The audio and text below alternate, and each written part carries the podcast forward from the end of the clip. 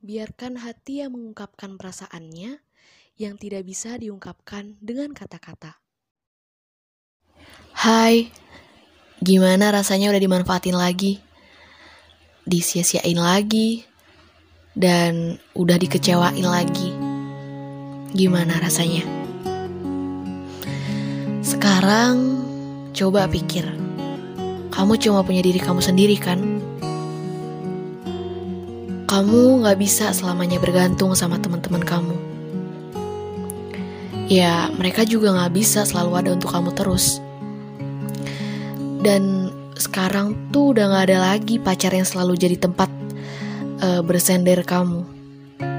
Sekarang cuman ada kamu dan diri kamu. Cukup. Oke? Okay? Kamu butuh istirahat.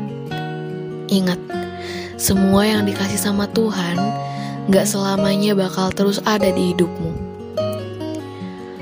Mungkin Tuhan lagi kangen sama kamu, atau mungkin Tuhan gak mau lihat kamu sakit terus.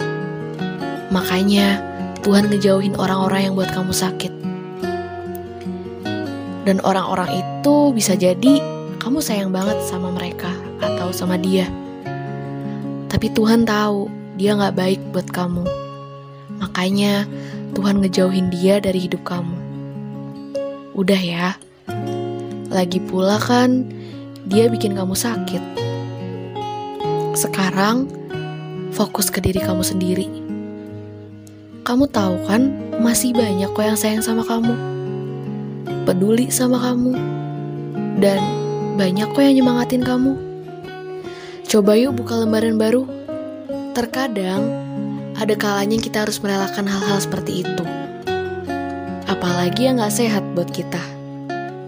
Gak mudah, tapi kalau kamu gak mau mencoba, nanti yang sakit tuh bukan hati kamu doang. Fisik juga bisa kena. Jadi, jangan sampai kayak gitu ya. Semangat!